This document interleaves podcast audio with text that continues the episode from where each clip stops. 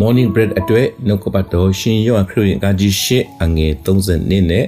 36ကိုဖတ်ပါမယ်။တမန်တရားကိုလည်းတည်ကြသဖြင့်ထိုတရားသည်တင်တို့ကိုလွတ်လိမ့်မည်ဟုယုံကြည်သောယူဒလူတို့အားမိန့်တော်မူ၏။ထို့ကြောင့်သားသည်တင်တို့ကိုလွတ်လင်တင်တို့သည်ဧကအမှန်လွတ်ကြလိမ့်မည်။ဒီနေ့နှုတ်ကပတ်တော်က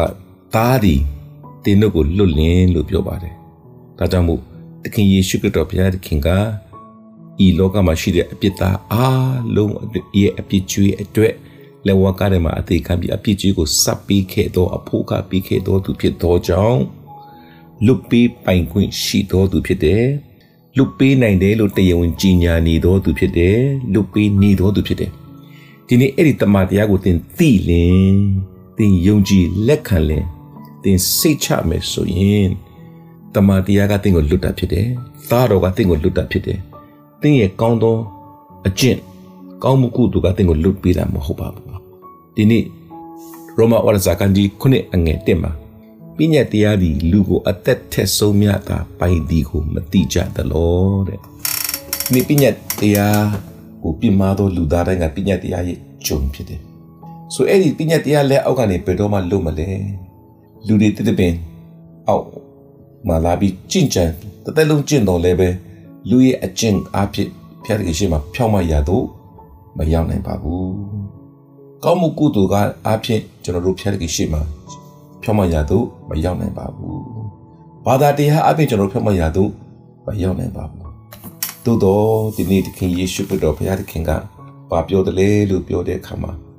လူကသေမှပဲပညာတရားလဲအောက်ကလွတ်မှာဖြစ်တယ်အပြစ်တရားရဲ့အခါကသေခြင်းဖြစ်တယ်အဲ့ဒီအပြစ်တရားရဲ့အခါသေခြင်း လူဒီပညာတရားလဲအောက်ကလွတ်မြောက်ဖို့ရတဲ့လူသားအားလုံးအတွက်ကိုစားအသေးခံခဲ့တာဖြစ်တယ်အဲ့ဒီတခင်ယေရှုခရစ်တော်ဘုရားတခင်အသေးခံခဲ့ခြင်းကိုယုံကြည်လက်ခံပါတိဇာမေကလာခံတော်သူသည်ယေရှုခရစ်တော်နဲ့အတူသေပြီလို့ဘုရားတခင်ကသတ်မှတ်ပြလိုက်တာဖြစ်တယ်ဘုရားတခင်ရဲ့သတ်မှတ်ချက်ကအတီးဖြစ်တယ်ဒီဂရီဖြစ်တယ်အမိန်ဖြစ်တယ်ဘယ်သူမှပြင်လို့မရတဲ့အရာဖြစ်တယ်ပြီးတဲ့အခါမှာယေရှုခရစ်တော်ဘုရားသခင်က တင်းချိုင်းမှာတင်းကြိုခြင်းကို၃ရက်ခံတယ်နီးတူကျွန်တော်တို့ကခရစ်တော်နဲ့အတူတင်းကြိုခြင်းခံရပြီးပြီလို့တမန်တော်ကတမပေးတာဖြစ်တယ်တိကျမကသုံးရမြော်တော်နေ့မှာခရစ်တော်ကတေခြင်းမှရှင်ပြန်ထမြောက်တကယ်သို့ခရစ်တော်ကိုယုံကြည်သောသူသည်ခရစ်တော်နဲ့အတူတေခြင်းမှရှင်ပြန်ထမြောက်သောသူဖြစ်တယ်လို့ဘုရားကသတ်မှတ်ပေးတာဖြစ်တယ်။ဒါကြောင့်သင်ကဘဝဟောင်းပညာတရားလက်အောက်ထဲပညာတရားဂျွန်းအပိတရားဂျွန်းမှလွတ်မြောက်သောသူဖြစ်တယ်။အဲ့ဒီလွတ်မြောက်တယ်ဆိုတဲ့တမန်တရားကို သိဖို့လိုတယ်။အဲ့တမန်တရားကိုယုံကြည်လက်ခံပြီးနှလုံးတက်ကယုံပြီးစိတ်နှလုံးကနေယုံပြီးနှုတ်ကဝန်ခံဖို့လိုတယ်။အဲ့လိုဝန်ခံတဲ့နေ့ကယုံကြည်တဲ့နေ့ဝန်ခံတဲ့နေ့ကတင်ကလွတ်မြောက်သောနေ့ဖြစ်တယ်လွတ်မြောက်သောသူဖြစ်တယ်။ဘုရားသခင်ရဲ့ပြောတဲ့တမတ်ချက်ကအမှန်ဖြစ်တယ်။တောင်းတင်ကျွန်တော်တို့ရဲ့တက်တာမှာထိုတမန်တရားကိုသင်သိဖို့လိုတယ်။ထိုတမန်တရားကသင်ကိုလွတ်မှာဖြစ်တယ်ဆိုတာကိုဒီနေ့နှုတ်ကပတ်တော်အပြင်သင်က သိရပြီဖြစ်တယ်။ဆိုသိရဲ့အခါမှာသင်ဘာလုပ်ရမလဲ။ဒီအရာတွေအားလုံးကယုံကြည်ခြင်းအပြင်သာ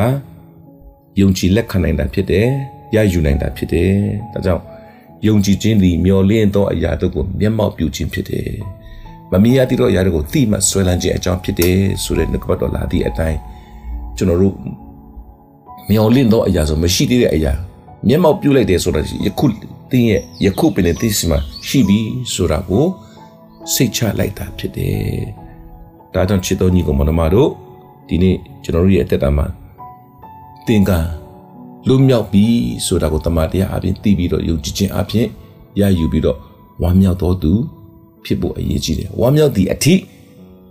ဝန်ခံပါရယူပါစင်ချင်ပါသဘောတူပါဒီနှုတ်ကပတ်တော်တဲ့သဘောတူဖို့အရေးကြီးတယ် သဘောတူတဲ့ကံမှာဘုရားသခင်ကအတူတူအလုပ်လုပ်မဲ့ဘုရားသခင်ဖြစ်တဲ့တင်းရဲ့တက်တာကိုဧကအမှလွတ်မြောက်ခြင်းကိုတင်းရဲ့ဝိညာဉ်ထဲမှာစိတ်ထဲမှာဤလောကထဲမှာတင်းကိုဧကမှလွတ်မြောက်တော်သူဖြစ်စေမှာဖြစ်တယ်ဒီနေ့ဤလောကမှာယူပအရာမှာဖြစ်တဲ့အရာတွေအားလုံးကမမြင်ရတဲ့ဝိညာဉ်လောကမှာအရင်ဖြစ်ပြီးတော့ဖြစ်တဲ့အရာတွေရဲ့ပြန်ပြီးထင်ဟပ်တဲ့အရာတွေဖြစ်တယ်ဆိုတာကိုနားလည်စေချင်တယ်။ ဒါကြောင့်ဤတရားစကားကိုသင်ကြားတဲ့အခါမှာယေရှုခရစ်တော်သားတော်သင်ကိုလွတ်မြောက်စေပြီးဖြစ်တယ်ဆိုတဲ့တရားစကားအာမခံချက်ဂတိပေါ်မှာစိတ်ချပြီးတော့လွတ်မြောက်တော်သူဖြစ်တယ်ဆိုတာကြွေးကြော်လိုက်စမ်းပါဝမ်းမြောက်လိုက်စမ်းပါခံယူလိုက်စမ်းပါတင့်ကိုဖျက်တကယ်ကောင်းချီးပေးပါစေ။